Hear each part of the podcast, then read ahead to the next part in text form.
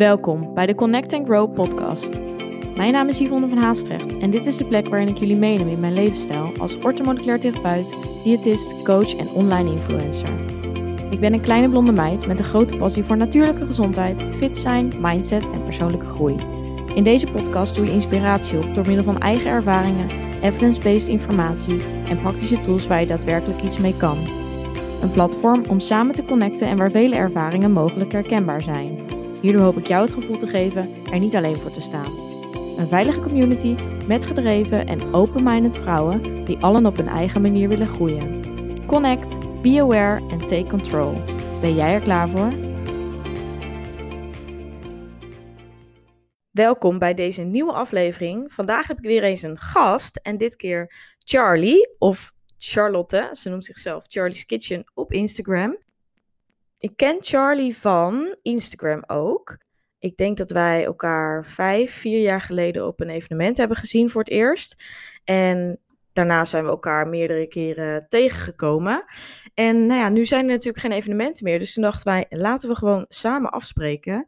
En laten we een podcast opnemen. Want Charlie is denk ik perfect voor de podcast. Charlie is voedingsdeskundige, orthomoleculair suppletieadviseur. Coach mensen die voornamelijk een burn-out hebben, daarin zitten, daar tegenaan lopen of juist daar net uitkomen. Een eigen foodblog. En ze heeft net een maand geleden haar eerste kookboek uitgebracht, Charlie's Kitchen Kookboek. En daarin deelt ze recepten, maar ook uh, praktische tips hoe je jezelf energiek en hoe je die balans houdt. En dat is ook wat ze uitstraalt bij zichzelf. Ze wil voornamelijk de energie en balans houden. Charlotte is ook ervaringsdeskundige, heeft zelf een burn-out gehad. Dus ik dacht genoeg informatie om hiermee een gesprek aan te gaan. Charlie is een ontzettend energieke vrouw, straalt heel veel power uit en dat hoor je ook wel in de podcast. Dus ik hoop dat jullie ervan genieten. We hebben het onder andere dus over haar burn-out. We hebben het over haar business. We hebben het over haar kookboek. Hoe haar eigenlijk haar passie voor koken en voeding is ontstaan. Uh, we hebben het over haar single leven als 33-jarige. En we hebben het over haar Choco Bliss ceremonie. Dat is eigenlijk ongeveer hetzelfde als wat ik heb gedaan met mijn truffelceremonie. Dat is ook nog een heel spannend verhaal. We gaan dus een beetje van onderwerp naar onderwerp. Maar ik denk dat het een hele gezellige aflevering is om naar te luisteren. En je leert Charlie op een hele mooie en uh, ja, authentieke manier kennen. Laat vooral weten wat je ervan vindt. En veel plezier met luisteren. Nou, welkom Charlotte in de podcast. Ja, gezellig. Ik heb je net al eventjes kort uh, geïntroduceerd. Maar ik ben natuurlijk super benieuwd hoe je jezelf zou uh, omschrijven. Dus wat doe je? Mijn omschrijving op wat ik doe. um, hoe zou je persoonlijk jezelf omschrijven en wat doe je voor werk? Uh, ik zou mezelf beschrijven als een blij ei. Uh, een stuiterbal ook wel, want ik heb echt superveel energie. Uh, maar wel heel liefdevol. Mooi. Ja, absoluut. Ja. En wat doe ik? Um, wat doe ik niet, kan je eigenlijk beter vragen. ja, dat is een grote... Um, ik heb een foodblog, Charlie's Kitchen, waar ik gewoon lekker veel recepten deel, kookboeken, eigenlijk alles vanuit mijn keukentafel. Um, ik ben auteur. Ik heb dus mijn uh, eerste boek zelf. Net uit. Uh, net uit. um, en ik ben coach. Ik heb een eigen Echt in Balans programma. En uh, ik ben transformatiecoach, ik ben voedingsdeskundige, ik ben orthomoleculair suppletiedeskundige. Nou, ik zal niet alles opnoemen wat ik heb gedaan, want dat is wel heel saai om te horen. Maar ja. ik heb eigenlijk heel veel gedaan op het gebied van, ja, wat heeft je lichaam nodig om optimaal te kunnen functioneren? Maar niet alleen je lichaam, maar ook je mind. Dus ik heb ook transformatiecoach gedaan, een opleiding, omdat ik heel erg geloof dat alles begint in je hoofd. Nou, en daar hebben we het wel vaker over in de podcast hier. Dus dat sluit ja. heel mooi aan. Dat ja, is ook de reden zeker. waarom ik je gevraagd heb. Ja. Uh, heel veel hoeden die je eigenlijk opzet. Gewoon heel veel verschillende dingen. Ik denk dat het allereerst even leuk is om te beginnen over je boek. Um, het is een receptenboek. Ja, ja en nee. Het is de Energie- en Balansbijbel. Het is het kookboek wat je ook mee naar bed wil nemen. Omdat het dus, ja, er staan 70 recepten in voor meer energie en voor balans. Mm-hmm. Uh, die lekker makkelijk zijn en die gewoon ontzettend lekker zijn. En die het makkelijk voor je maken om te variëren. Maar wat ik het meest toffe vind aan het boek, is dat het gewoon meer dan een kookboek is. Want ik vertel je alles wat jij eigenlijk nodig hebt om meer energie en balans te ervaren in je leven. Dus bijvoorbeeld uh, staan er kleine oefeningen in als, hey, waar krijg je eigenlijk energie van? Waar word je blij van? Waar krijg je geen energie van? Ja. Maar ook, uh, hoe voel je eigenlijk vandaag? Hoe zou je je willen voelen? Welke stapjes zou je daarvoor kunnen zetten? Waar ben je dankbaar voor? Uh, meer praktische tips voor energie. Ga meer water drinken of hè, denk aan deze supplementen. Er, er staan zoveel simpele praktische oefeningen in naast die recepten. Dat het eigenlijk gewoon zo'n mooie eerste stap is naar een nieuwe energieke leefstijl. Ja, ja. En wat heeft jou, wat is, hoe is eigenlijk die passie daarvoor dus zo ontstaan? Dus het is vooral ook echt een boek om bewust te worden, denk ik. Ja, het koken is echt ontstaan bij mij thuis. Ik ben echt opgevoed met super lieve ouders die gewoon houden van eten en een wijntje. En hoe meer mensen over de vloer, gezelliger. Mijn vader is meer van het bakken. In het weekend pannenkoeken, uh, tosties, uh, cake, boterkoek, noem het maar op. En mijn moeder is meer echt lekker van het koken, de stoofpotjes, uh, lekker vis uit de oven. Dus, dus de passie voor koken, die heb ik echt wel meegekregen vanuit huis. Ja. Uh, maar ook wel hoe belangrijk voeding is voor je. Uh, mijn zusje en ik hebben eigenlijk altijd alle twee gesport. Want mijn ouders sporten ook nog steeds. Mijn vader wordt straks 70, die sport nog steeds drie keer per week. Dat is gewoon, voor hun is dat de, de, de basis van hun leefstijl. Dat hebben wij dus ook meegekregen als kinderen. En het was eigenlijk ook zo met voeding. Van ja, we mogen een wijntje drinken en een patatje en, en een keertje uh, chocotofs eten. Maar de basis bestaat gewoon uit groenten, fruit, granen, eiwitten en noem het allemaal maar op. Ja. Dus daar is eigenlijk een beetje de passie ontstaan voor lekker koken voor mensen. En ik dacht, oh, meer mensen moeten gaan koken. Dat is gewoon, ja, de keuken is zo'n magische plek eigenlijk. Waar je... Um, ik denk dat je dat herkent. Als er dan iemand bij is die verdrietig is, dan pak je zakdoeken uit de la in de keuken en dan troost je iemand. Met een verjaardag staat bijna iedereen in de keuken. Dat is de leukste plek, want Ja. daar staan de hapjes en de drankjes natuurlijk. Ja, het socializen. ja. Ehm, maar ook nu jij bijvoorbeeld hier bent, ik ga natuurlijk ook lekker voor jou koken. Het is gewoon, het is verbinden. Verbinden met jezelf, met je lichaam, eh, maar ook met elkaar. En als je bijvoorbeeld kinderen hebt, een gezin, is het gewoon echt een hele mooie manier ook om creatief bezig te zijn, maar toch ook iets mee te geven aan je kinderen. Ja. En eh, vanuit daar is eigenlijk Charlie's Kitchen ontstaan. En toen begon ik met schrijven over eten. En wat ik vooral heel erg leuk vond, om dat te vertellen van ja, maar waarom zou je dan zoiets moeten eten? En ja, voor mij is energie gewoon heel erg belangrijk. Want ik geloof, als je geen energie hebt, dan ben je moe, ben je futloos. Eh, dan ga je je doelen niet behalen, laat je je hoofd hangen, ben je negatief. Ja. Komt dat stemmetje in je hoofd, de, de bullshit radio noem ik het altijd, bla bla bla bla bla, weet je wel. ja. Dus energie is nummer één prioriteit. En daar is voeding heel belangrijk in. Ook suppletie, ook rust natuurlijk en bewegen. Maar ik dacht, ja, als ik daarover ga schrijven, dan moet ik daar wel gewoon een, een papiertje voor hebben. Dus toen ben ik eigenlijk eh voedingsdeskundige gaan doen, uh, ortomoleculair suppletiedeskundige, natuurvoeding heb ik gedaan. ja. Uh, ik heb zelfs nog een, een of andere cursus van vier weken gedaan over hoe de darmen werken. Lichaamstaal heb ik ook nog gedaan, hoe je iemands lichaamstaal kan lezen. Maar eigenlijk nooit met de intentie van ik ga coach worden. Ik vond het gewoon super interessant. Ik werkte in het hotel, ik had een super toffe job. Dus ja, ik vond het eigenlijk gewoon leuk voor daarnaast. ja. Totdat ik... Uh, Echt je passie eigenlijk. Ja, Ja. ja, eten is mijn leven. ja. En um, totdat ik op een gegeven moment, um, iets meer dan drie jaar geleden, een hele erg burn-out kreeg. En um, in, in, in die burn-out heb ik mij zo niet begrepen gevoeld, zo alleen. en ik kon de hulp niet vinden die ik nodig had. Waar ik heel erg tegenaan liep was, ik, ik was al jaren bezig met persoonlijke ontwikkeling. Ik kwam denk ik al twee jaar bij Michael Pilarczyk. Ik weet niet of je Ja. hem kent, maar hij is ook heel lang mijn coach geweest. Dus qua mindset was ik al heel erg ver. Maar als je lichaam ermee stopt, en ik kon echt niks meer. Ik was echt, alle alarmbellen gingen af. Ik was echt uitgeput. Als ik moest tanden poetsen stond ik te janken, want het was gewoon Ja. te veel. En dan kreeg ik bewijzen van al spierpijn van, van die beweging. Ehm, dus ik ben, ik ben gewoon best wel een nuchtere chick. Ik sta met twee benen op de grond. En ik dacht, ja, weet je, ik weet wel hoe ik die burn-out heb gekregen. Ik heb gewoon veel te veel gedaan. Ik ben veel te enthousiast geweest. In het enthousiasme ben ik vergeten te eten. Ben ik te veel koffie gaan drinken. Ik heb al mijn grenzen genegeerd. Ik was echt een pleaser eerste klas. Want ik Was dat ook echt zo voor je gevoel op dat moment dat je alles aan het negeren was? Voelde je dat Nee. toen ook daarvoor?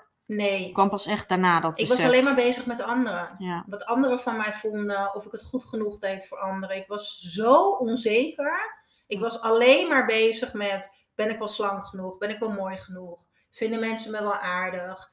Ik dacht ook dat ik alles moest doen. Ik moest naar die verjaardag. Ik eh, moest mee naar dat feestje. Eh, ik, ik, ik moest tegen iemand zeggen dat ze er leuk uitzag. Want dan zou ze me vast aardig vinden. ja. Ehm, ja echt dat pleasen. Ja, ik was echt een, een enorme pleaser. En mij heel erg, vooral heel erg druk maken. Wat andere mensen van mij vonden. Totdat Michael tegen mij zei in een sessie. De mensen om jou heen zijn een spiegel. Dus wat jij denkt dat zij over jou denken. Dat is wat jij eigenlijk over jezelf van Ja. binnen denkt. Ik dacht, wat een arrogante lul. Ik Wat wil zeg niet jij nou? echt. Ik vond het echt, oh, ik vond het zo heftig. Maar dat is zo'n eye-opener voor mij geweest. Dat ik dacht, ik werd er heel verdrietig van.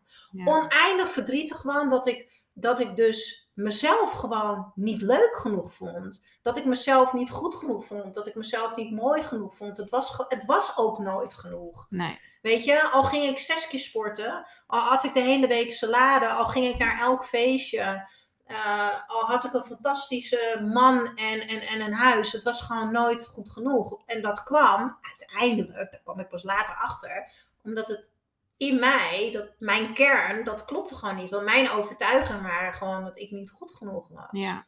Heb je een idee waar ooit zeg maar dat gevoel van niet goed genoeg zijn dan vandaan komt? Ben je daarachter? Ehm, ja, ja, zeker. En dat zeg ik wel echt met heel veel liefde hoor. Want eh, mijn moeder is echt de liefste. Ehm, maar mijn moeder eh, die is haar hele leven alleen maar bezig geweest met lijnen. Eh, is alleen maar bezig geweest met ja, altijd voor iedereen zorgen. Maar mijn moeder is een heel lief, zorgzaam type.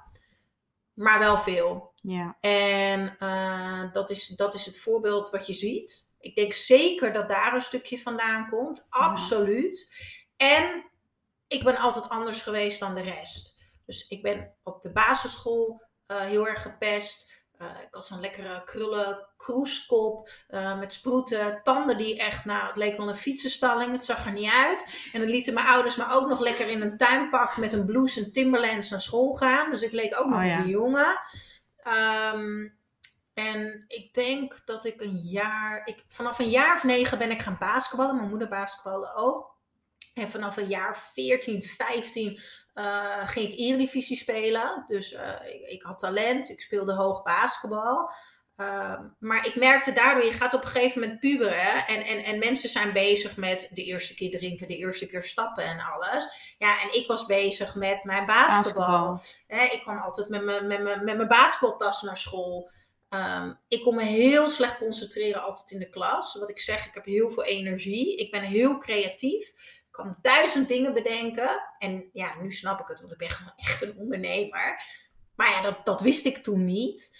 Ehm, en daardoor voelde ik me altijd dom. Dat de rest het wel kon en dat ik het niet kon, zou maar zeggen. Ja. En ik had gewoon heel veel doorzettingsvermogen. Daardoor heb ik ook heel veel bereikt met basketbal. En ik begreep ook, ik, ik snapte andere mensen ook niet. Ik vond andere mensen echt een soort van, eh, ja, dat ik dacht van, ja, wat doen jullie nou eigenlijk? Leven in een andere wereld of zo voor ja, jou. ik idee. voelde me gewoon anders dan de rest. Ehm, en dat is dus nu achteraf niet erg. Maar daardoor had ik mezelf aangepraat dat ik dus, ja, ik was anders, Ja. ik was niet goed. Eh, waar iedereen vriendinnengroepjes had, ja, had ik dat niet. Eh, dat heeft ook zeker meegespeeld. Ja. absoluut. Ja. Ja, Maar wel heel mooi. Kijk, tuurlijk, toen had je, zat het je waarschijnlijk wel misschien bewust of onbewust dwars. Dacht je van, hè, ik wil misschien zo zijn als zij zijn. ja. Maar uiteindelijk ja, ben je, heeft het je denk ik alleen maar sterker gemaakt. Ja, zeker. Want nu, nu, als ik nu terugkijk, god, dan kijken we echt heel ver terug. Ik 30 nu. Maar als ik nu terugkijk, denk ik, oh, alles valt zo op zijn plek. Ja, Uh, want dat is gewoon wie ik was. Ik was gewoon echt een creatieveling. Ik ben gewoon altijd ondernemend geweest. Ik ben echt een doener. We hadden het net al Ja. eventjes erover. Uh, ik doe gewoon, als ik iets wil, dan doe ik het gewoon. Uh, en dat heb ik eigenlijk mijn hele leven gedaan. Ik weet nog wel dat ik, ik ben opleiding toerisme gaan doen, MBO. Super tof, Spaans leren en alles. Dat was wel iets meer mijn ding. was best wel een vrije school. Um, en dan gingen we elk jaar gingen we ook ergens naartoe, of Barcelona of wat dan ook. En um, ik, ik vond het zo bijzonder, want toen dat ik dus op het MBO zat, was het niet normaal dat iedereen stage liep in het buitenland. Tegenwoordig is het niet Ja, normaal, maar iedereen. toen was het niet zo. Ja. En ik weet nog wel dat ik op het, op het computerkamertje van mijn vader ging zoeken op internet. Weet je wel, toen moest je nog inbellen, hoorde je nog. Oh, echt? echt? Die tijd. Oh, dat was, Nou, dan was ik heel jong hoor. ja, Ja. ik was toen eh 15 of 16 denk ik. En dan gingen we inbellen en dan ging ik dus zoeken van, oh, ik mag volgend jaar, anderhalf jaar mag ik stage lopen. En ik zei tegen moeder, ik ga naar het buitenland. Dat ga ik doen. Ja. Uiteindelijk had ik eh, iets van vakantielijn in Frankrijk gevonden. En ik had iets op Gran Canaria gevonden. Nou, ik kijk Gran Canaria, palmbomen en alles. En toen zei ik tegen mijn ouders, net voordat ik 17 werd, ik ga daar zes maanden stage lopen. Na echt de halve school viel van een stoel af. Dat ik dat wilde, zal ik maar zeggen. Uh, en dat deed ik dan ook gewoon. Nou, uiteindelijk gingen er ook nog wat andere mensen. Maar die gingen naar een ander hotel. Nou, dan ging ik daar gewoon naartoe. Ja. En dat, dat, ja, dat vond ik zo gaaf. Stoute schoenen aan en gaan. avontuur. Ja. En ja, ik vond het doodeng. Maar ja, ik weet niet echt waar dat gebeurd is. Maar ik heb een soort van mezelf aangeleerd, denk ik. Van ja, waar, waar ik weerstand voel, doe ik eigenlijk Juist. altijd gewoon. Dus ja. Ik zeg ook altijd tegen mensen: word comfortabel met oncomfortabel zijn. En dan ligt echt de wereld gewoon Ja. aan je voeten. En ehm, dus ja, nu kijk ik echt wel achteraf terug en denk ik echt zo van: oh ja, ik was altijd anders. Bijvoorbeeld. Vroeger op school moest je, op de basisschool had je toch werkstukken en dan moest je een eh, presentatie geven. Nou, het vond ik het allerleukste wat er was. Nou, iedereen vond het Haat verschrikkelijk. Ja. Ik was heel goed in werkstukken maken en ik was nog beter in de presentatie geven.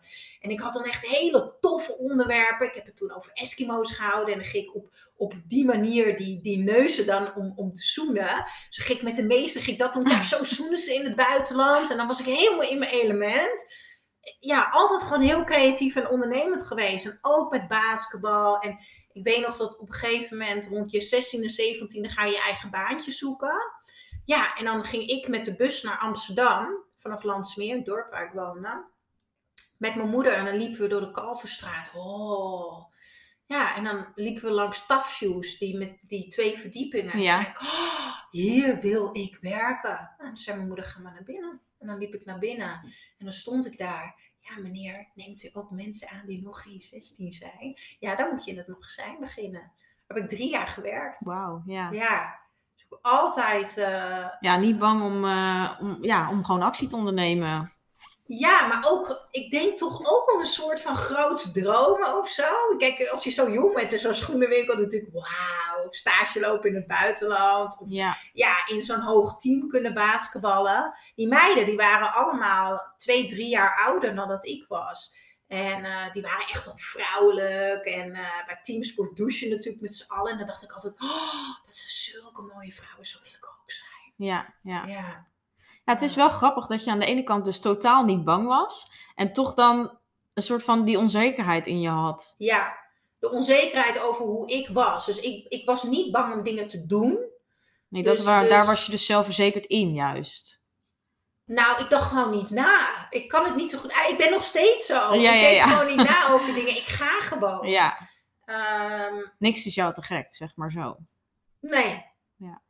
Nee, het is toch gaaf wat we allemaal kunnen doen. Ik zie, ik, zie, ik zie het leven, de wereld echt als één grote speeltuin. Ja, je kan kiezen van welke glijbaan je af wil of welke Ja. schommel je pakt. Ja. Ja. Ja, dus dat, is, dit is gewoon, dat zit ook gewoon in je. Dat is ook je, gewoon je persoonlijkheid. Ja. ja en dat nu denk, ik dan dat je daar beter mee om weet te gaan. Omdat je natuurlijk ja, met jezelf eh, even tegen jezelf... eh, of met jezelf tegen de muur aanliep, zeg maar. Bij Ja. wijze van. Ja. Want hoe ben je, dan, ben je dan zeg maar daar uitgekomen? Of hoe, ja, wat heb je gedaan om uiteindelijk, want je zei hè, je was dan bij Michael. Nee, dat was Ehm, voor mijn burn-out al. oh, dus toen ik in mijn burn-out. zat, wat ik heel erg miste, want zo kwamen we eigenlijk door omdat ik natuurlijk ook Oh ja. een echt in balansprogramma heb, omdat ik dus coach ben. Uh, wat ik heel erg miste was, kijk, ik, werd, ik was bij de dokter geweest, ik had een veel te hoog cortisol, mijn stresshormoon, ik had paniekaanvallen, ik had angstaanvallen. Ik kon gewoon echt niks meer. Het ging zo slecht lichamelijk dat ik gewoon bij mijn ouders moest gaan wonen, want ik kon gewoon niet voor mezelf zorgen qua. Ik had niet de puff om eten voor mezelf te maken en dat soort dingen. Um, en ik werd echt heel erg depressief. En dat kwam gewoon omdat mijn hoofd door had, mijn lichaam laat me in de steek. Ja. Ik kan niks. Waarom kan ik niks? Ik ga hier nooit meer uitkomen. Dat dacht ik echt. En uh, nou, toen was ik doorgestuurd naar een psycholoog. Ja, dan gaan ze lekker in het verleden vroeten. Ja, en ik dacht op dat moment gewoon wel van, ja, weet je, ik, ik, ik, toen ik er eenmaal in zat, wist ik waar het vandaan kwam. En daar werd ik gewoon heel erg mee geconfronteerd. En ik ben gewoon heel erg van, pam, pam, pam, in het leven. Ja, we weten het nu wel. Leg me nu maar uit hoe ik het kan oplossen. Um, en dat miste ik heel erg. En Michael bracht mij dat. Hij, hele simpele vragen als, ja, stel jezelf gewoon eens de vraag elke dag, wat kan ik vandaag doen om me zo goed mogelijk te voelen? Nou had ik wel het geluk dat ik natuurlijk ook voedingsdeskundige was. Dus ik wist ook wel dat voeding een hele belangrijke rol speelde. Dat supplementen een belangrijke rol speelden. Ja, hij bracht je meer naar hetgeen, het, het, de positieve kant ervan. Van hè, hoe krijg ik mezelf weer beter? In plaats Ja. van Ja. waar komt het misschien allemaal vandaan? En ik ben heel erg gaan zoeken op internet. En toen uiteindelijk had ik een burn-out coach gevonden die zelf dus ook een burn-out had gehad. Waar ik heel erg tegenaan liep. Ik ben wel bij vijf mensen geweest. Die gaan je dan vertellen wat je moet doen, maar die hebben zelf geen burn-out gehad. En wat jij wil, jij voelt je zo verloren. Jij wil dat iemand je hoort, je ziet, je voelt en dat iemand je begrijpt. Ja. En, en dat miste ik heel erg. Uiteindelijk had ik iemand gevonden, die was een paar jaar ouder dan dat ik was. En uh, het heel waardevol, eigenlijk wat ik zelf wist vanuit de suppletie en voeding, wat ik van Michael leerde qua mindset.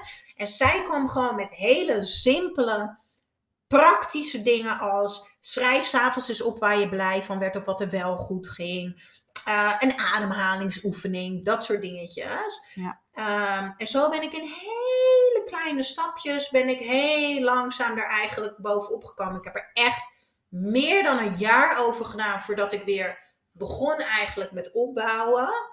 En het heeft echt wel 2,5 jaar geduurd dat ik durfde te zeggen van wauw, nu... Ja, ik wil zeggen, nu voel ik me echt weer mezelf. Maar dat, dat is niet waar. Want je, want je wordt nooit meer wie je was. Want daardoor heb je een burn-out gekregen. Ja. Dat ik me weer stralend voelde. Dat ik weer bruiste van de energie. En dat ik voor het eerst de tram uitkwam in Amsterdam. En dat ik mijn moeder belde. Oh, ik ben voor het eerst een hele dag naar Amsterdam geweest. In de tram geweest. En ik heb geen paniekaanval gehad. En ik ben niet overprikkeld. Tweeënhalf jaar heeft het echt wel geduurd. Ja. Omdat gewoon mijn zenuwstelsel was ook zo overwerkt. Alles was gewoon, was gewoon op. En toen in mijn burn-out ben ik echt gewoon, ja, dat klinkt um, een beetje stom, maar ik ben gewoon al mijn lessen gaan opschrijven. En toen dacht ik, ja, maar waarom bestaat hier geen programma voor? Voor mensen die of overspannen zijn en, en, en, en echt een pleaser zijn en, en niet op elk vlak goed voor zichzelf zorgen en eigenlijk op tijd op de rem willen trappen en echt voor zichzelf willen kiezen. Mhm. Dus voor nou, een energieke, gezonde leefstijl waar je ontspannen bent. Of voor mensen die een burn-out hebben gehad. Dus het ergste hebben gehad. En die, die dus heel langzaam weer iets nieuws willen gaan aanleren. Zodat het ze niet nog een keer gebeurt. Ja. Want 66% van de Ja. bevolking heeft nu een burn-out. Maar het ergste is dat meer dan de helft een tweede burn-out Ja. krijgt. Ja. Want als je altijd doet, ja, als je Wat in je de oude gedaan, patronen komt. Ja. heb je altijd Verandert hetzelfde het resultaat. Ja. Ja, daar ben ik ook zeker. Ik ben ook met mijn neus daar tegen aangelopen. ja, je blijft er gevoelig voor. Ja, en toen dacht ik echt, ik heb de papieren. Eh, ik, ik, hè, ik, ik ben coach en alles, maar ik heb het zelf allemaal doorlopen. Ik heb echt onder in de put gezeten en ik voelde me echt geroepen als wanneer ik beter ben, ga ik iets ontwikkelen en ik ga anderen helpen eh, zich nooit zo te voelen zoals ik me heb gevoeld. Ja. Ja, Ja, dat is onwijs mooi. ja, En je kan, je, het is gewoon, als jij het zelf doorlopen hebt, wat je zelf al zegt, dan kun je gewoon helemaal weer in die persoon stappen om te kijken van wat had ik op dat moment nodig? Of wat wil ik wel dat mensen tegen mij zeggen Ja. of niet tegen mij zeggen? En gewoon dat is heel waardevol, denk ik. ja.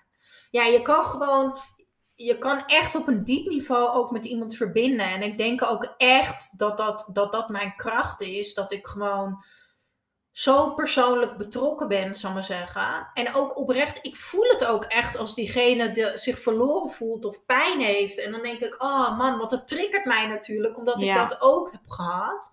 En daar kan ik dan zo goed op inspelen. En diegene niet, ja, het, ik miste dat heel erg in mijn burn-out. Ik had Ja. niemand die het begreep om mij heen. Niemand snapte het. Nee.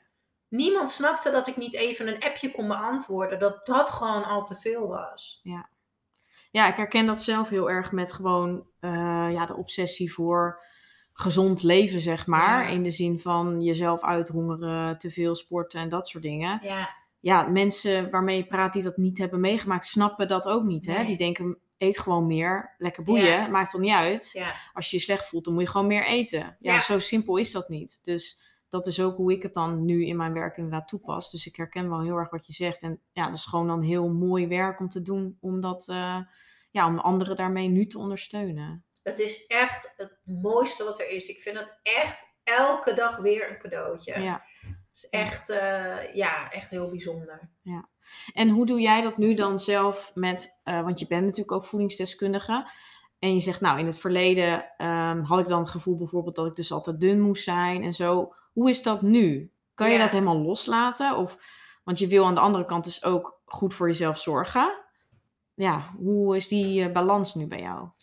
Kijk, in mijn, mooi in, mijn burn-out was ik echt op mijn slangst ever. Ik was al ripped, zeg ik altijd maar. Ja. Uh, want uh, voor mijn burn-out was ik zo streng voor mezelf dat ik vijf keer per week trainde. Maar dan moest ik ook op de racefiets naar de sportschool toe, wat Mhm. 20, 25 minuten was. Ja, Ehm, dus iedereen zei altijd tegen mij: Wauw, je hebt zo'n mooi lichaam. Je ziet er zo fantastisch uit. Maar ik was zo ongelukkig. Echt, ik was zo ongelukkig. Ik was zo verdrietig. Ik vond mezelf nooit mooi. En omdat ik me zo slecht heb gevoeld in mijn burn-out, is daarna echt wel. eh, eh, mijn mindset is daarin echt van. Ik heb daar echt een mindshift gemaakt van. ehm, ik kijk niet meer naar hoe ik eruit wil zien. Ik ga altijd naar mijn gevoel, hoe ik mij wil voelen. ja, En ik wist toen nog niet welk lichaam daarbij paste. Nou, dat is dus een lichaam die 8 kilo zwaarder is. Ehm, maar ik, weet je, ik kan weer sporten. Ik sport nu lekker drie keer per week, gewoon lekker normaal. En dat is helemaal prima. Uh, maar ik ben gewoon sterk, ik voel me fit, ik heb zelfvertrouwen in de sportschool. Uh, mijn basis is mijn voedingspatroon gewoon hartstikke gezond. Maar ja, ik zit nu ook lekker met een bukkeltje en een wijntje. Uh, die balans daarin is super belangrijk. En ja, ik weet niet, iedereen zegt altijd, ja, het komt ook omdat je ouder wordt. Ik denk ook echt wel dat het zo is. Want ja. Het kan me ook gewoon minder schelen. Ik Ja. denk ook gewoon van, ja, sorry, maar dit is gewoon wie ik ben. En ik heb nu gewoon een super gezond uh, prachtig lichaam. En ik ben gewoon dankbaar dat mijn lichaam werkt. Ja. Want hij werkte niet meer. En ja, uh, dan heb, ik heb een klein beetje een buikje. En ik heb wat meer love handles. Um, maar het grappige is, ik dacht altijd dat mannen dat echt... Ik dacht altijd, mannen willen een hele slanke vrouw. En noem het allemaal maar op. Nou, ik heb echt nog nooit een man gehad die klaagt hoor. Dus het is ook gewoon iets wat je gewoon helemaal in je hoofd maakt. Dat je dat je denkt dat je zo moet zijn. En weet je, omdat ik nu gewoon dingen mag. Ik zeg altijd, ik mag alles van mezelf, alleen ik kies bewust. Dus wat wil ik eigenlijk? Ik wil me energiek voelen, ik wil me blij voelen, uh, ik wil me gelukkig voelen, ik wil me sterk voelen en noem het allemaal maar op. Ja, en soms word ik heel erg blij van wijn. Ja. Maar ja, dan ben je misschien de volgende dag wat moeier als je een paar wijntjes hebt gedronken. Maar dan heb je gekozen vanuit een ik wil en Met ik plezier, geniet. Ja. In plaats van uh, ik moet. Ja. Weet je, ik, ik, ik, ik, ik mag dat niet. Of noem het allemaal maar op. En ja, ik geniet nu elke dag zo erg van het leven. En ik ben daar gewoon, ik ben daar niet meer mee bezig. Nee. Ik heb ook geen eetbuien meer en noem het allemaal maar. Want ik mag gewoon alles van mezelf. Als ik ergens zin in heb. Ik ben een gek op pizza. Ik kan me echt wakker maken voor pizza. Het liefst vier kazen. Maar weet je, dan bestel ik een pizza. Maar wat ik dus vaak doe, is dat ik een halve eet. En dan maak ik daarna nog zo'n vet lekkere salade. En dan eet ik de volgende dag de andere helft. Ja.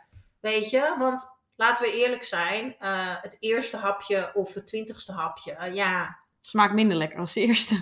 ja. ja. weet je. En Ja. dan weet ik gewoon van, oké, ik wil genieten van die pizza. Oh man, ik geniet zo intens hiervan. Ik wil ook een glaasje rode wijn erbij. Maar ik wil niet de volgende dag zo, zo opgeblazen voelen en energieloos. Nee. Dus ik maak bewust de keuze. Ik ga wel lekker pizza eten of ik neem een wijntje. Maar ik ga niet een hele pizza nemen en een hele fles wijn. Nee. Ik denk Ja. dat dat super. Ja, ik denk dat ook voor mensen die dit luisteren gewoon eigenlijk een tip is van hey, zo kun je ook met Ja, voeding omgaan. En ook zeker wat je net zei, hè, met dat met ook qua lichaam, dat je zegt van nou, ik zag er dan misschien voor hè, aan de buitenkant perfect Ja. uit, even tussen aanhalingstekens. En dan zouden mensen jou misschien zien als zo, die is fit. Terwijl jij je dus helemaal niet zo voelde. Dus ja. Voor mensen die daar nu heel erg mee struggelen en die denken van, oh, ik moet er zo uitzien, want dan voel ik me pas gelukkig. Dat is dus niet het geval. Ja, maar het is ook de manier waarop je naar je lichaam kijkt, weet je wel. Want besef je ook gewoon dat je, als jij 's ochtends wakker wordt, heb jij een nieuwe dag gekregen. Het is niet vanzelfsprekend dat je wakker wordt. Ik ben nu heel even de getallen vergeten, want toevallig heb ik van een week een training over gegeven. Maar het is schrikbarend hoeveel mensen niet wakker worden, hè? wereldwijd dan. Mhm. Dus het is al een cadeautje als je 's ochtends weer wakker mag worden. En ehm, we kunnen voelen. Stel je hebt kinderen, je kan, je kan je kinderen knuffelen, je kan je vriend een kus geven. We kunnen proeven, we kunnen zien, we kunnen horen. Ja. Dat lichaam van ons werkt de hele dag zo fucking hard Ja. voor ons. Als je dat gaat beseffen, dat dat lichaam zoveel voor je doet, dan ga je daar ook liever mee om. Ja. En ik heb echt wel mogen ervaren dat wat je geeft, krijg je terug. En op het moment dat ik heel veel crap erin stop en ik heb heel veel stress en ik zorg er niet goed voor, ja, dan voel ik me ook gewoon helemaal niet goed. ja, is dat ook de uitkomst? Maar als ik gewoon goed voor mezelf zorg en ik ben gewoon lekker in balans, en daarmee bedoel ik, ik mag alles, maar ik kies bewust. Ik heb vanochtend bijvoorbeeld niet gesport. Ik werd wakker en ik dacht echt, ik ben moe, ik heb super drukke weken gehad van de lancering van mijn boek. Weet je, oké, hoe voel ik mij nu eigenlijk? Dan ga ik altijd even zitten. Oké, ik voel me moe. Oké, hoe zou ik me willen voelen? Ja, ik zou me ontspannen willen voelen. Oké, maar wat heb ik dan nu te doen om me ontspannen te voelen?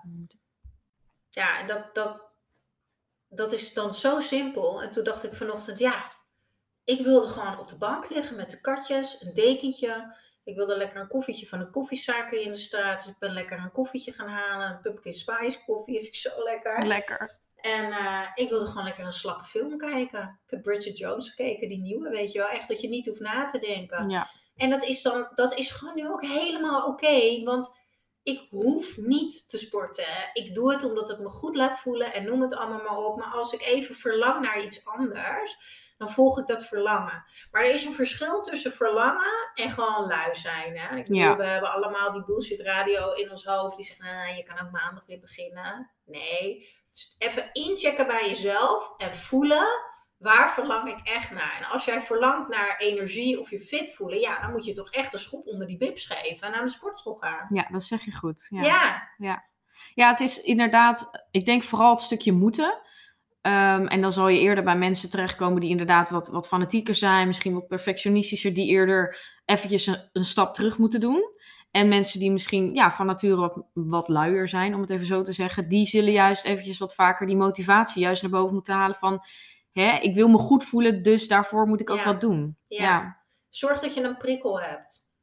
Dat werkt bij mij gewoon heel erg goed. Maak een moodboard. Hang, hang van die kleurpost-its op, weet Ja. je wel. En met de woorden hoe jij je wil voelen, zodat je eraan herinnerd wordt van, oh ja, maar dit is waar ik voor wil gaan. Ja, hou het lange termijn doel eigenlijk voor ogen. Ja. Ja. Ja. Want ik zag ook in jouw huis. Ja, ik, ja, achter je. ja, doelen Ja. ook hangen. Ja, super mooi. drie grote doelen. Dit zijn mijn zakelijke doelen, mijn businessdoelen. En boven in de slaapkamer hangt een heel groot papier met mijn drie privédoelen. Ja, En als ik dus sta te koken, zie ik dus die doelen altijd. Als ik wakker word, zie ik het ook altijd. Ja, en als je dan de kan ik deur elke dag uitgaat. even denken, oh ja, wat heb ik vandaag eigenlijk gedaan om dichter bij dat doel te komen? ja. Ja, supergoed. Ook een beetje law of attraction, hè? Absoluut. Ja, Daar ben je ook fan van. ja absoluut. Want ja. wat zijn dan je, ja, wat zijn eigenlijk nu je businessdoelen? Wat heb je, als je ze wilt delen natuurlijk, hè? ja, zeker weten. Vind ik een hele goede vraag. Waar zou je nog naartoe willen? Want het gaat supergoed natuurlijk. Ja, ja, ik moet wel echt heel eerlijk bekennen dat toen eenmaal mijn boek uit was, dat is nu vijf weken geleden, dat was zo'n droom. Dat daarna echt wel een beetje een soort van zwart gat kwam. Ja, ja, ja. Nou ja, daarom. Het is altijd natuurlijk, als je iets behaald hebt, sta je daar Ja. voldoende bij stil. En heb je daar ook, haal je daar dan dus het geluk uit? Ja. Ehm, ik wil heel graag ehm, nog een boek uitbrengen ehm, over burn-out. Eh, maar heel praktisch. En nou ja, eigenlijk zoals je me nu hoort praten in de, in de podcast. Echt vanuit mijn ervaring met een eh, sausje van wat ik heb geleerd als coach. Ehm, dat is zeker een droom. Ja, en gewoon heel veel mensen kunnen helpen met mijn Echt in Balans programma. Daar word ik zo blij van. Kijk, nu, wegens corona, kan ik mijn Echt in Balans events niet houden. Ja. Eh, dat mis ik zeker. Daar, dan, ja, daar droom ik zeker van dat het, dat dat straks weer kan. Ehm, maar eigenlijk heb ik al zoveel dingen zakelijk gewoon behaald. Want ik doe ook gewoon wat ik wil, weet je. Net zoals met mijn podcast. Ja, ik dacht gewoon op een dag, oh, dat wil ik. Nou, ik neem wat heel, hup, oordopjes in. En Klaar. eh, nou, dat Ja. gaan we gewoon doen. Dus eigenlijk alles wat ik wil, dat, ja, dat zet ik ook gewoon eigenlijk direct, eh, direct In werking. Ja, Ja. In, in gang. Maar ja, ik, wil nog, ja, ik wil nog zoveel dingen. Ik heb ook vrouwen die ik in een business begeleid. Vanuit de juiste energie. Daar zou ik ook nog een aparte pagina voor willen hebben. Maar voornamelijk komt eigenlijk alles neer op hetzelfde. En dat is echt mensen verder helpen. Impact maken. zodat ik Energie geven. iets energie geef. Zodat ik ook echt ik, ik vind ook echt dat ik iets moois doe voor de wereld. Want als mensen lekkerder in hun vel zitten en als ze blijer zijn met zichzelf en als ze echt gaan doen wat ze leuk vinden, dan zijn ze in de wereld ook een veel leuker mens. Voor een man, vrouw, kinderen, op het werk en noem het allemaal maar op. En hoe vaak heb je wel niet dat je op straat loopt? Ehm, ik zeg altijd iedereen gedag, heb ik mezelf aangeleerd. Maar hoeveel mensen lopen met hun hoofd naar beneden? Of zitten op een telefoon? Of zeggen geen gedag terug?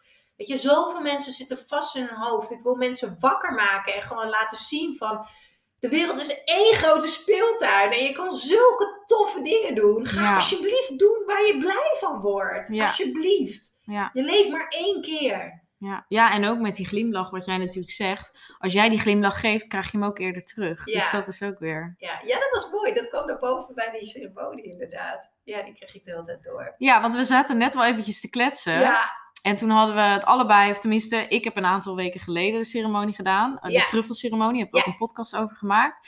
Eh, en Charlotte heeft dus ook een, een Choco Bliss ceremonie gedaan. Is het Yes. ceremonie? Ja. Mag ik het zo noemen? ja. Ja. ja, absoluut. Chocobliss ceremonie. Ik heb er ook een podcast over opgenomen. Ja, nou, dan kun je die ook luisteren. Mocht je die van mij van fascinerend vinden, dan eh, Charlotte heeft ook hele bizarre dingen meegemaakt. We zaten net echt te kletsen. Nou, ik vond het super mooi om te horen. Maar ja, als je er iets over wilt delen, ja, wat was jouw ervaring? Ja wat, Wat wil ik delen? Kijk, ik ben aan de ene kant eh, ben ik echt super nuchter. Lekker met twee benen op de grond. Maar aan de andere kant eh, zeg ik ook wel eens... Ja, ik ben wel een beetje spiriwiri. Ik heb allemaal van die stenen in huis liggen. Ja, geen idee, maar het voelt gewoon goed.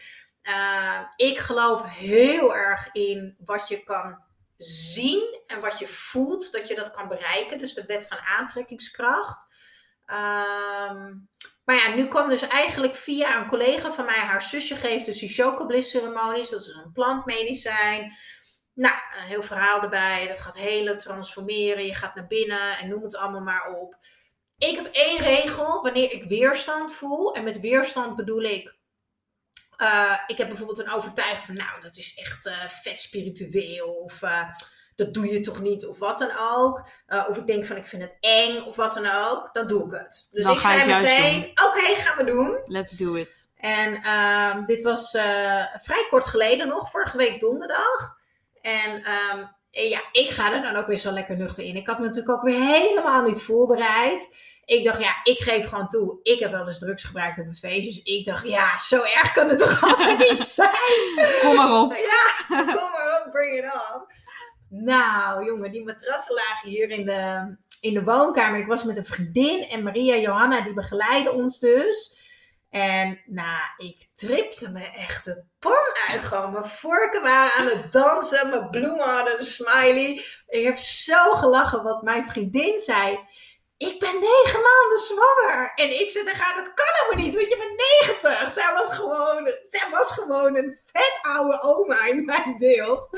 We hebben zo gelachen. Ja, het was echt, eh, ik was lijkbleek. Ik was echt heel erg aan trillen. Ik had het ijskoud. Echt, ik was doorweekt. Het was echt smerig eigenlijk. Ehm, maar ik heb zoveel mooie dingen gezien. Ik ben opnieuw geboren. Dus ik heb de eerste blik van mijn moeder gezien. Ik heb mijn vader gezien. Mijn tante die er blijkbaar bij was. Ik wist niet dat het zo was, maar dat klopte uiteindelijk. Ik heb mijn moeder gebeld de dag daarna. Ehm, ja, ik, kreeg ik zag de hele tijd een beeld uh, dat ik mijn hand op iemand anders hart had. En ik kreeg de hele tijd door. Um, you are the guide. Uh, keep on smiling and they will smile back to you. Um, jij mag ze het licht laten zien. En elke keer ging dat, dat luik naar boven open. Dat was, ja, ik noem het maar het universum, of hoe je het wil noemen. Uh, de een zegt, ja, daar zijn je spirits. De andere noemt het je engelen. Ik heb geen idee. Ik zag allemaal zwarte panthers en regenbogen en little ponies die ik vroeger ook had. Het was één... Ook een heel dierenpaleis. Ja, dat ik kon alleen maar lachen. Ik dacht alleen maar, wauw, wat is het hier gaaf. De- ik keek ernaar, ik observeerde of zo. En ik kreeg constant boodschappen door. Maar eigenlijk kwam het allemaal neer op, nou ja, business-wise. eh, van ja, jij, jij, jij bent daar om de mensen te guiden. Jij, jij voelt ze echt, jij verbindt echt met hun. Eh, maar jij moet ze ook het licht laten zien dat er meer is dan dit. Ehm, ik zat heel erg met de vraag eh, of er ook een man voor mij gaat komen. Ehm, dus op een gegeven moment zei Maria ook van je kan vragen stellen, weet je wel. Je spirits nemen je mee. Eh, was ook super mooi, want de moeder van mijn oma, die leeft dus niet meer. En die was er dus. Eh, en ik zag allemaal dingen van vroeger, dat ik een schriftje had en een laadje. En, en dat ik bij haar op schoot zat. Dat bleek dus ook allemaal waar te zijn. Ik heb alles daarna gecheckt eh, met moeders. En eh, op een gegeven moment moest ik mijn hart vastpakken. En ik had echt een stuk vlees vast met, met bloed. En daar overheen kwam dus een mannenhand. Heel stevig met een ring. Ja, en ik weet nog dat ik mijn ogen open deed. Dat ik tegen Kelly zei van... Yes, Oh, ik krijg een man! Ja. Yes, eindelijk! ja. ja, ja, het was heel, heel bijzonder. ja. Eh, ja, het is echt een hele lange trip. Ik ga, ik ga niet alles vertellen. Nee, nee, dan nee, ga je is ook, lekker eh, luisteren. ja. Maar eh, het, het is heel bijzonder. Maar ik moet wel echt heel eerlijk zeggen. Maar het is nu echt pas een week geleden. ja, kort. Ik weet niet of ik het nog een keer zal doen. Want echt, ik ben echt de hele week nog zo kapot ervan geweest. En zoveel gehuild. Ik had zoveel te helen. Ehm, maar ik, ik had vooral echt zoiets van... Wow, er is echt zoveel meer dan alleen hier de aarde. Ja, dat had ik dus ook. En, en dat heb ik nu nog steeds, omdat het nog kort geleden is, dat ik dat een soort van, ja, als nuchtere doos moet ik dat ergens nog een plek geven. ja, even nog accepteren of zo. Ja, ja. moet ik nog even accepteren, Ja. inderdaad. En heb je nu wel het gevoel dat, dat het je ook een bepaalde verlichting heeft gegeven of zo? Nog niet. Nee, dat moet nog eh, Nee. of indalen of komen of misschien wel niet. Ja, dat kan. Ja, eh, het heeft me wel, wat het me wel echt heeft gebracht, is dat ik echt zo verbonden met, met, ben met mezelf. Ik kan echt nog beter voelen gewoon. Hm. Ja, Nou, dat vind ik al wel dan juist weer snel na een Ja. week eigenlijk. Dat je het al zo ja, eigenlijk weet integreren in je leven nu. ja. Ja. ja, zeker, ja.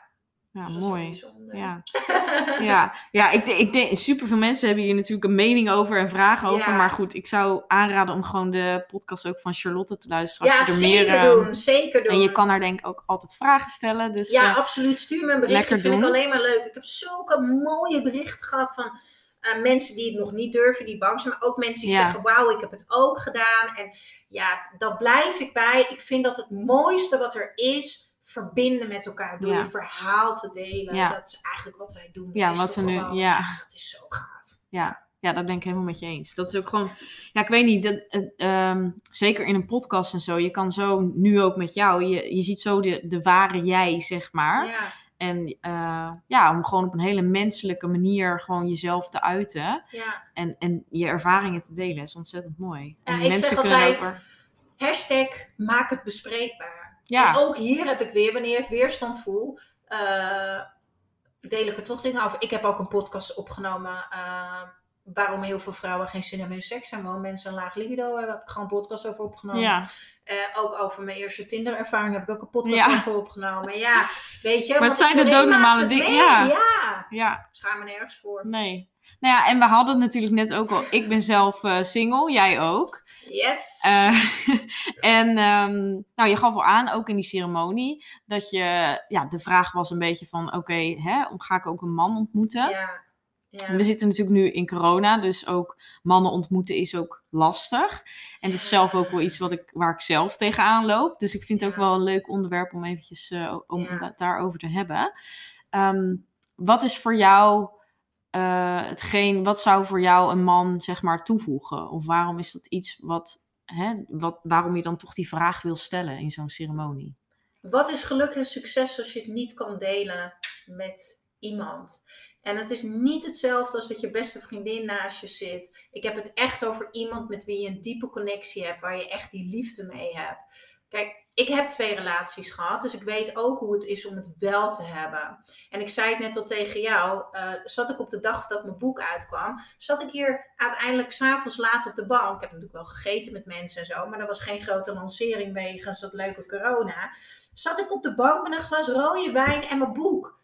En ik was echt ontroostbaar op eigenlijk de mooiste dag van mijn leven, want mijn droom was uitgekomen. Ja, Ik dacht, potverdikkie, ik hoor hier toch gewoon met een leuke vent te zitten. Die zegt, schat, vertel, hoe was je dag? Ik ben zo trots op je. Zal ik een wijntje in je schenken? Ik heb bloemen voor je, weet ik veel. En ehm, ja, en dan zeggen heel vaak mensen, happy single. Nou, mijn reet met happy single. Ik vind er echt geen reet aan. Moet ik natuurlijk ook wel zeggen, eh, ik ben vorig jaar eind augustus single geworden.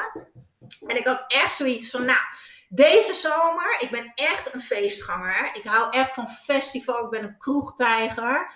En ik stap dus gewoon op iemand af en ik zeg gewoon, hé, hey, jij bent leuk of whatever. Ja, ik heb echt, daar heb ik geen moeite mee. nou dan kan ik nog wat leren van je. Ja, absoluut. Dus ik was ook echt niet bang om geen mannen te ontmoeten. Ik had er helemaal zin in. Ik denk, nou, ik ga van de zomer gewoon een leuke vent ergens oppikken. Dat komt helemaal goed. Maar ja, toen kregen we corona. Dus dagfestivals, dagkroeg voor Charlotte. Ja, en toen ehm, op een gegeven moment, ehm, ik had gewoon heel erg, ja, ook ik als coach, ik had gewoon heel erg mezelf aangepraat. Het online daten is niks voor mij, dat is niet verbinden, bladibladibla. Totdat op een gegeven moment mijn moeder zei, nou, lekker negatief. Ja, Toen dacht ik, oh, oh, ze heeft gewoon gelijk. Oké, deze overtuiging moet ik echt ombouwen. Kom op, Char, let's go. Dus eh, ik heb toen, ehm, ik heb toen inderdaad heb ik op Tinder gezeten nadat ik volgens mij al bijna een fles wijn op had met een vriendin. Swipen, alles de verkeerde kant op geswiped. Heeft iemand dit trouwens ook een keer gehad? Ik vond het zo ingewikkeld. Oh, echt? Ik ook een fles Oh. wijn op. Ja, jongen, ik had van Tom tot nou dan had je wel heel veel, had je wel heel veel matches. had heel veel matches. Ja, dat was echt zeer kansloos. Maar eh, ja, ik ben uiteindelijk eh, ben, ben ik ook op date geweest en zo. Ehm, ja, weet je, ik ben gewoon. Ja, het is echt, ja, weet je, ik vind het gewoon heel erg lastig. Ik weet gewoon dat dit wel echt mijn ding is. Mijn, mijn, mijn verlangen is gewoon echt een relatie. Dat geef ik gewoon heel eerlijk toe. Er is toch niks mooiers dan dat je met iemand een fantastische verbinding kan hebben. Dat je samen kan koken. Dat je waanzinnige seks kan hebben. Dat je samen op Ja. vakantie gaat. Dat je ruzie hebt. Dat je het goed maakt. Echt. Bring it on, weet je. En ja, ik, ehm, ik vind het gewoon zo mooi dat je dan met iemand ervoor kiest om samen eigenlijk het leven aan te gaan. Om samen te dromen. Ehm, ja, en dat, dat mis ik gewoon heel erg. En ik zeg niet dat ik ongelukkig ben, hè? absoluut niet. Maar ik geef echt direct toe dat ik me de laatste weken echt heel vaak eenzaam heb gevoeld. Ja. En er zijn echt wel een paar traantjes gegaan. Ja. Ehm, natuurlijk ook met mijn boek die uitkwam, maar ook gewoon, ja, wat ik al zei, ik ben een festivalganger en een uh, kroegtijger. Ik ben echt een knuffelbeer eerste klas. Heerlijk. Leg mij maar lekker op de bank tegen een lekkere vent aan. Glaasje wijn erbij. S'avonds lekker tegen iemand aankruipen in bed. Nou, ik moet er nog steeds aan wennen. Elke avond in dat koude bed. Zo'n groot tweepersoonsbed. En gelukkig heb ik twee lieve katten. Maar ja, dat is wel heel harig. Die houden je niet warm. Ja, ik geef gewoon heel eerlijk toe. eh, ehm, ik vind het gewoon echt een aanvulling op je leven als je met iemand zo'n diepe connectie kan hebben en samen kan dromen en het beste in elkaar naar boven kan halen en je steun en toeverlaat. Ehm, weet je wat ik vooral heel erg mis? Ik ben gewoon best wel sterk, weet je. Ja, dat wou ik, wou ik net zeggen. Ja, en ehm, ik heb ook wel heel erg de rol in het leven aangenomen van, hè, ik, ik kan ook echt heel veel aan. Ik kan heel veel dragen, ik kan heel veel dingen. Maar we hebben allemaal wel eens een moment dat we even instorten. Dat Tuurlijk. we het gehad hebben. Dat hoort erbij. En dan wil je gewoon het allerliefste bij je man in zijn armen storten. En dat hij tegen je zegt, het komt goed. Ja. En dat die grote sterke man een keer voor jou zorgt. En ehm, dat, dat, dat mis ik gewoon dan. Ja, ik zou echt heel graag ook een, een, een, in de toekomst een, een man willen ontmoeten. ehm, die, ik, ik heb gewoon wel relaties gehad met fantastische lieve mannen. Maar ik wil nu gewoon heel graag een keer een man ontmoeten die mij ook inspireert. Die mij ook naar een volgend level brengt. Die, er, die mij ook opvangt. Ik ben namelijk echt al mijn hele leven degene die iedereen opvangt. Vrouw of man. En nu wil ik een keertje iemand die mij ook een keertje opvangt als het eventjes wat minder Ja, gaat. in de andere rol. maar ook gewoon lol hebben, weet je wel. Het is Ja. toch fantastisch als je een partner hebt en je de grootste lol kan hebben. Maar ook wat ik zeg, ja, waanzinnige seks hebben, nieuwe dingen ontdekken. Dat is toch gewoon, ja, ja dat, ik heb veel meer met die diepe verbinding dan die kansloze dates. Die, die, maar god, ik had Ja, maar dat wou ik ook zeggen. Ik denk dat jij ook, en dat heb ik zelf bijvoorbeeld ook, dat je heel goed weet wat je wilt. Ja. En eh, dat je dat ook wel, dat je daarom er ook wel tegenaan loopt, dat dat dus niet altijd past. En zeker ook omdat je veel bezig bent met persoonlijke ontwikkeling. Je weet heel Ja. goed wie je zelf bent. Dus Ja. ehm, dat straalt ook veel ja, power uit. Je bent dan dus ook een powervrouw. En ik denk dat ook niet iedere man eh, dat ja, kan handelen, vind ik een groot woord. Maar zijn, mannen zijn dat denk ik niet zo gewend. En tuurlijk, ze zijn er. Er zijn ook mannen die daar goed op gaan natuurlijk. Maar ja, dan ben jij al heel snel degene die juist de man ook optrekt. Terwijl dat in de meeste gevallen niet de rol is. Omdat je vaak ziet Ja. dat vrouwen zich optrekken aan de man. Nou, ik ben heel erg benieuwd waar die zijn. Want eh, nou, ik had dus een date met iemand. En eh, die was dus eh, helemaal gek van Pokémon. En die dacht dat ik het wel leuk vond om Pokémons te vangen. Nou, dan is hij 37 jaar. Dat ik echt dacht... "Prima, ik kan echt een tweede boek schrijven. Over alle harten ook. Mijn harten die zo vaak gebroken zijn trouwens. Maar goed, echt. Ik heb zo vaak in duizend stukjes gelegen. Man, man, man. Ik heb echt... En hoe vaak ik wel niet te horen heb gekregen. Ik heb iemand gehad die zei: Ik wil geen relatie met je, want ehm, ehm, je bent zo sterk en je hebt mij niet nodig. Ik heb liever een meisje, want dan heb ik het gevoel dat ik voor haar kan zorgen, want dat is de mannenrol. Ja, dat is wat ik net zei. Ja. Precies dat. Ik heb gewoon heel veel energie eh, en ik heb gewoon heel veel pit. Wat ik zeg, ik doe het gewoon. Nou, daar loop ik dus ook heel vaak tegenaan dat mannen dat dus ook gewoon super lastig vinden. Dat ze mijn. Kijk, als we naar de maatschappij gaan kijken, een gemiddeld energieniveau is een 6.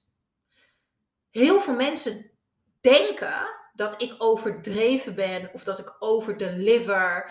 Maar ik heb gewoon een dikke vette 8 of 9, omdat ik gewoon hartstikke goed voor mezelf zelfzorg. En omdat ik gewoon alleen maar dingen doe die ik leuk vind. Ik heb gewoon een super tof leven. Ja. Ik loop niet half slapend door het leven. Ik leef echt elke dag intens. Weet Ja. je, als je nu aan mij vraagt, waar heb je spijt van? Wat had je nog willen doen? Ik meen het serieus. Ik kreeg deze vraag laatst in een interview.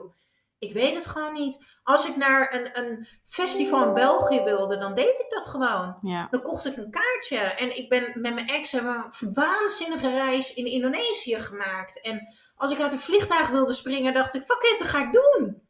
Dus ik doe gewoon waarvan ik denk, dit wil ik gewoon heel graag doen. Ja, je denk, ik denk dat je ook wel heel goed, denk ik, in lijn bent met jezelf. Ja, Hè? Dus dat je, heel- jij kan heel goed, denk ik, luisteren naar wat wil ik. Misschien wel omdat je ju- juist daarvoor, vroeger deed dat eigenlijk natuurlijk ook al. Omdat je dan misschien anders was, voor Ja. jouw gevoel. ja, Ik denk dat je dat juist altijd gewoon dicht bij jezelf bent gebleven. En dat dat nu, ja, ik denk dat heel veel mensen dat moeilijk vinden. ja, Maar doordat Ja. jij dat wel doet, leef je jouw leven op jouw manier. ja. Die jou gelukkig maakt. Maar dat herken jij misschien ook wel, dat verschil in energieniveau. We hadden het net al even erover. Kijk, ik heb echt een 8 of een 9. Ik word 's ochtends wakker en ik denk, yeah, een nieuwe dag. Mhm. ik, ik zeg altijd 80-20 regel. Ik heb ook wel eens dat ik denk, ik blijf in bed liggen, zoek het uit. Maar Ja. 80% van de tijd denk ik, ik ga weer echt super vette awesome dingen doen. Ik heb Mhm. gewoon echt zin in deze dag. Ehm, en ehm, altijd een 8 of een 9 qua energieniveau. Gemiddeld heeft de maatschappij een 6. Je ziet het al op straat. Je merkt al, weet je, eh, iedereen, er is nog heel veel winst te behalen op hoe mensen eten, hoe mensen leven, stressniveau, maar ook sporten, eh, supplementen, noem het allemaal maar op. Als die mensen een avondje doorzakken, hè, dan gaan ze naar een 3. Maar het verschil tussen een 6 en een 3 is niet zo groot. Als Char hier een avondje gaat doorzakken en die gaat van een 8, 9 naar een 3, dan ga ik bijna dood. Echt waar. Ja, je moet er veel langer van bij komen. Oh my, dan voel ik me zo slecht. Ja, maar dat komt denk ik ook, dat denk ik zelf in ieder geval, dat je veel bewuster bent van je lichaam, omdat je er dus bewust mee bezig bent. Dus je voelt ook pijntjes, moeheid, lage Ja. energie, voel je dus ook sterker. Ja, dat denk zo ik. erg. Echt, jongen. Dat heb ik zelf. echt- loop ik echt met mijn ziel onder mijn arm. nou, jeetje, waarom deden we dit ook Ja, alweer? wat was het me waard Ja, gisteravond? ja, absoluut. En dat is gewoon, ja, ik merk, dat is waar ik het meeste tegenaan loop om terug te komen op mannen, is dat ik heel vaak niet op dezelfde frequentie zit. Eh, heel veel mensen komen thuis van hun werk en eh, die gaan op de bank hangen. Heel veel mensen denken op hun werk al, is het al vijf uur. Of mensen denken in weekend. Weet je hoe vaak ik het hoor? Ik krijg werk ja op zondag. En denk ik, is het zondag? Ja, ik ben ondernemer. Ik Ja, doe alleen maar wat verschil. ik leuk vind. Ja. Ja, I don't care dat het zondag is. Ja. Ja, Ja, Ja. ja, maar dat, ja, dat is ook gewoon natuurlijk een beetje de maatschappij hoe het nu is van als je een baan van 9 tot 5 hebt, dat is eerder het normale. Ja. Ehm, dus heel veel mensen zijn niet gewend dat je dan op zondag zou werken. Maar ja, voor jou, als het voor jou niet als werken voelt, dan maakt het niet uit welke dag het is. Ja, maar het is ook zo dat je om je heen ziet dat het normaal, hè, dat het beeld dat we krijgen, hè, is dat je gaat settelen. Hè, dat je mannen hebt op een gegeven moment kinderen. Ja. Nou ja, ik ben nu 33, ik word 34. Ehm, Denk je dat dat dan meespeelt in jouw hoofd? Dat je denkt van dat je het daarom misschien wil, omdat je het gevoel hebt dat je nu de leeftijd hebt, dat je dat dus al. Oh, ik geef direct toe dat ik dat echt, en dat is niet heel vaak hoor, maar ik geef absoluut toe dat ik ook wel eens momenten heb gehad dat ik dacht, Jezus, ik lijk wel maatschappelijk mislukt. eh. Nou, Hoe kan het? Ja, echt. De Nee. dagen. Je hebt toch allemaal wel eens gewoon een dag dat je gewoon echt heel verdrietig bent. Ja, dat tuurlijk, je gewoon dat echt wel, niet lekker ja. in je vel Ja. zit. Ja, en op die dag krijg je natuurlijk te horen dat je vriendin zwanger is. En eh, dat die gaat trouwen. En dan denk je, ja, zie je wel. en ik dan? Ehm, het is voor anderen wel weggelegd. Ja, ik geef dat helemaal toe dat ik die gedachten ook af en toe in mijn hoofd heb. Ja, ik ben ook mens. Ja, dat is logisch. En eh, ik geef wel toe dat het eigenlijk alleen op het gebied van mannen is dat ik soms negatief ben. Maar goed, het is ook niet heel gek als je zo vaak gekwetst bent. En je hart heeft zo vaak in duizend stukjes gelegen. Ik ben zo'n gevoelsmens. Ik, ik ga altijd vol overgave voor alles. Ja, Eh, dus ja, dan breek je ook gewoon in duizend stukjes. En dan ja. Ik heb al zo vaak gehad dat vriendinnen tegen mij zeiden: Maar je moet je niet meteen helemaal geven. Maar Ja. ik weet gewoon niet hoe dat moet. Ja, ik wou zeggen, voel je dan dat je nu meer een muurtje hebt? Ik heb dat bijvoorbeeld zelf wel. Maar heb jij dat niet? Nee, ik ben nog steeds een duiker. Ook al heb ik al duizend keer in duizend stukjes op de bank gelegen. Maar dat vind ik juist ook wel weer mooi. Want die muur, kijk, ik bedoel, als de juiste man voor jou op je pad komt, dan is het juist ontzettend mooi dat je die muur niet hebt. Want dan is het gewoon vuurwerk, zeg maar. Terwijl als je wel dat muurtje opbouwt, dan ja. kan je er juist ook weer mensen mee afstoten. Ik heb helemaal niks aan die muur. Nee, Want ja, gaat die muur mij eh, zorgen dat ik gelukkig word? Nee, helemaal Eh, niet. Maar dat is wel wat de Ja. meeste mensen doen. Ja. Ja, ja, en tuurlijk, weet je, ik heb echt zoveel verdriet gehad om mannen. Dan denk ik, ja, die ene kan er ook nog wel bij. Maar als ik gewoon niet elke keer er weer op uitga, dan ja, weet je. En het is echt niet dat ik nu eh, aan de hand ben voor. Nee. Hè, ik moet het nu. Nee. Ehm, maar het is natuurlijk nu wel zo in de corona. Ehm, je, staat, je staat eigenlijk gewoon een beetje stil qua sociaal leven. Ja. Wij zeiden eigenlijk net tegen elkaar: Dit is zo gezellig, dit moeten we gewoon nog een keer Ja, doen. Vaker doen. een keertje naar jou toe, Ja, weet je wel. tuurlijk. Wij zitten alle twee elke avond alleen op de bank. Ja, Ja, ja. ik heb dat Netflix wel gezien, weet je wel. En ja maar ja, ook je weer- mist gewoon mensencontact. Tuurlijk, en dan ga je weer doelloos lopen scrollen op je telefoon. Want ja, je wilt toch ook alweer een beetje verbinden met mensen. En dat is dan een manier om te verbinden. En Ja, ja, het is gewoon, het is gewoon een hele lastige periode. ja is het Ja. zeker. Het is gewoon lastig. Ik weet nog, mijn zusje die is zwanger en eh, die ging bekendmaken wat het werd, weet je wel. Met zo'n ballon die ze dan gaan Mhm. doordingen. Maar ja, er mogen natuurlijk niet zoveel mensen thuiskomen. Dus mijn ouders waren er. eh, en van hem was eh, zijn ouders er. En ik stond dus met de telefoon videobel. En zijn broers ook. Nou, echt, ik, ik vond het natuurlijk, ik ben zo blij voor mijn zusje. Maar ik hing op daarna en ik was zo verdrietig. Ik dacht, ik kan niet eens bij mijn eigen zusje zijn wanneer Nee. ze vertelt wat het wordt. En ik word gewoon tante van een neefje. Ja, Ja, dat ik echt... eh, ja, dat soort momenten zijn wel gewoon eventjes lastig. ja. Maar aan de andere kant denk ik ook... Ik kan het wel zien. Weet je, vroeger hadden ze dat niet, hè. Nee, we hebben nog nee. Netflix, we hebben Dat eten. We hebben genoeg toiletpapier. ja. Goeie, ja, ik zou het bijna alweer vergeten Ja. zijn. Ja. Ja, ja, ja, dus- we moeten ook in dat opzicht nu dus juist ook weer kijken naar de positieve kanten van wat er nog wel kan en het geluk zoeken in de kleine dingen. Maar ik, ja, ik, ik sluit me volledig aan bij wat je zegt. ja, Vooral met gewoon, ja, het, met mensencontact. En ja, zeker dus ook, ja, als je alleen bent, ook voor ouderen natuurlijk, hè. Ja. Eh, niemand kan zien dat dat gewoon, ja, wel eenzaam kan zijn. ja. Ja, weet je wat het is? Ik heb echt geleerd, volgens mij zei Tibor dat ooit op Instagram, leven is pijn. Dus leer gewoon leven met pijn. Dus ja, je gaat op je smoel, je maakt fouten, iemand breekt je hart. Maar als je niet echt leeft, tegenover pijn staat ook heel veel geluk Ja. en succes en blijheid. Ja, Ja, anders ga je mellow door het leven. Je- Dat vertikkert gewoon. nee. Echt en je moet gewoon sowieso jezelf blijven, hè, altijd je gevoel volgen als jij denkt, ik ga met deze man op pad, ik zeg maar wat. Ja. Ja, doe het gewoon. Ja. Ja. of ik ga die droom najagen, of ik wil dit business-wise doen. Gewoon, Ja. ja. Gas erop en gaan. nou, ik denk dat we superveel besproken hebben. Ehm, maar als allerlaatste is natuurlijk leuk. Charlie heeft natuurlijk net haar boek uitgebracht. Yes, yes. En nou, leuk voor de luisteraars. Ze geeft er ook eentje weg. Dus je kunt meedoen. Door mee te doen ga ik, als de podcast online staat, een Instagram post eh, maken. En daaronder stel ik eigenlijk, vraag ik jullie om een vraag te stellen voor Charlotte. En een vraag die jij leuk vindt om te stellen aan haar aan de hand van wat wij hebben besproken. Dus een leuke originele vraag eh, kun je achterlaten in de comments. En dan maak jij kans op eh, het boek. En dan gaan Charlie en ik een winnaar kiezen. Ja, laten we die, want die post die staat al zeker wel een week online, hè? Ja. Dus dat is leuk, want mensen luisteren natuurlijk niet altijd op de eerste dag. Nee, die moet wel even. Als je nu luistert, hè, dan ga je even naar de pagina en dan moet je wel even een foto doen waar, waar, waar je het boek dan kan zien, want dan kunnen ze die, de juiste post herkennen. En dan degene die. Laat een leuke vraag voor mij achter. Een originele vraag. Ik vind het superleuk. Ik ga alle vragen beantwoorden. Dus echt. eh, kan niet gek genoeg.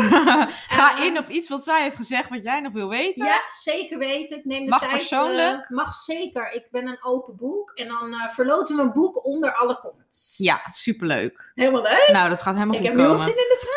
Ja, nou sowieso wil ik je echt bedanken voor je, gewoon je openheid. Ja. Ik denk dat mensen het super leuk vonden om ook te luisteren. Je bent echt gewoon een sprankelend en energiek persoon, zoals je ook jezelf Ah, omschrijft.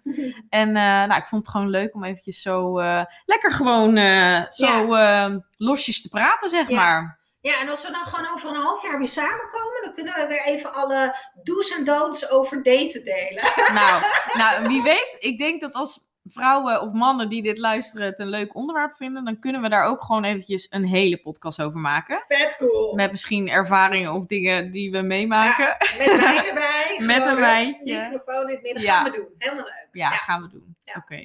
Nou, bedankt. Ik zal sowieso alle social media links, et cetera, van Charlie zal ik in de show notes zetten. Dus je kunt altijd doorklikken. Ook voor haar boek eventueel. Haar foodblog natuurlijk. En eh, eventueel het eh, coachingprogramma. Ja, echt in balans programma. Eh, en dan kun je eventueel ook contact met haar opnemen natuurlijk. Ga gewoon lekker kijken. Ze heeft superveel dingen zoals jullie gehoord hebben. Dus eh, wie weet interessant voor jou. Ja, En dan ehm, nou, gaan wij gaan genieten van eh, eh, Ja. de rest van de maaltijden ik die ga Charlie gaat. koken. Ja, Charlie, we hebben al een Ja. soepje gehad. En dan eh, nou, hoor ik jullie bij de volgende aflevering. Bedankt voor het luisteren. Doei. Doei! Bedankt voor het luisteren. Vond je dit een leuke aflevering of ben je geïnspireerd geraakt? Deel dit dan met anderen of maak een screenshot en deel dit via stories op Instagram. Superleuk als je mij hierin tagt.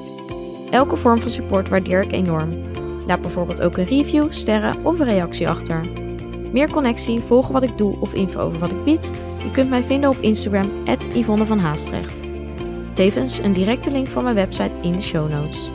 Ik wens jou een hele fijne dag of avond en tot de volgende keer. Doei!